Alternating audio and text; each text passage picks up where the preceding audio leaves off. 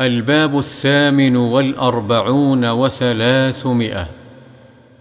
باب النهي عن تجصيص القبور والبناء عليها.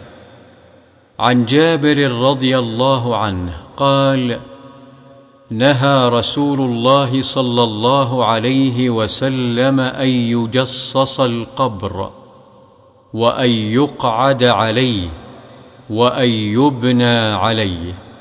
رواه مسلم.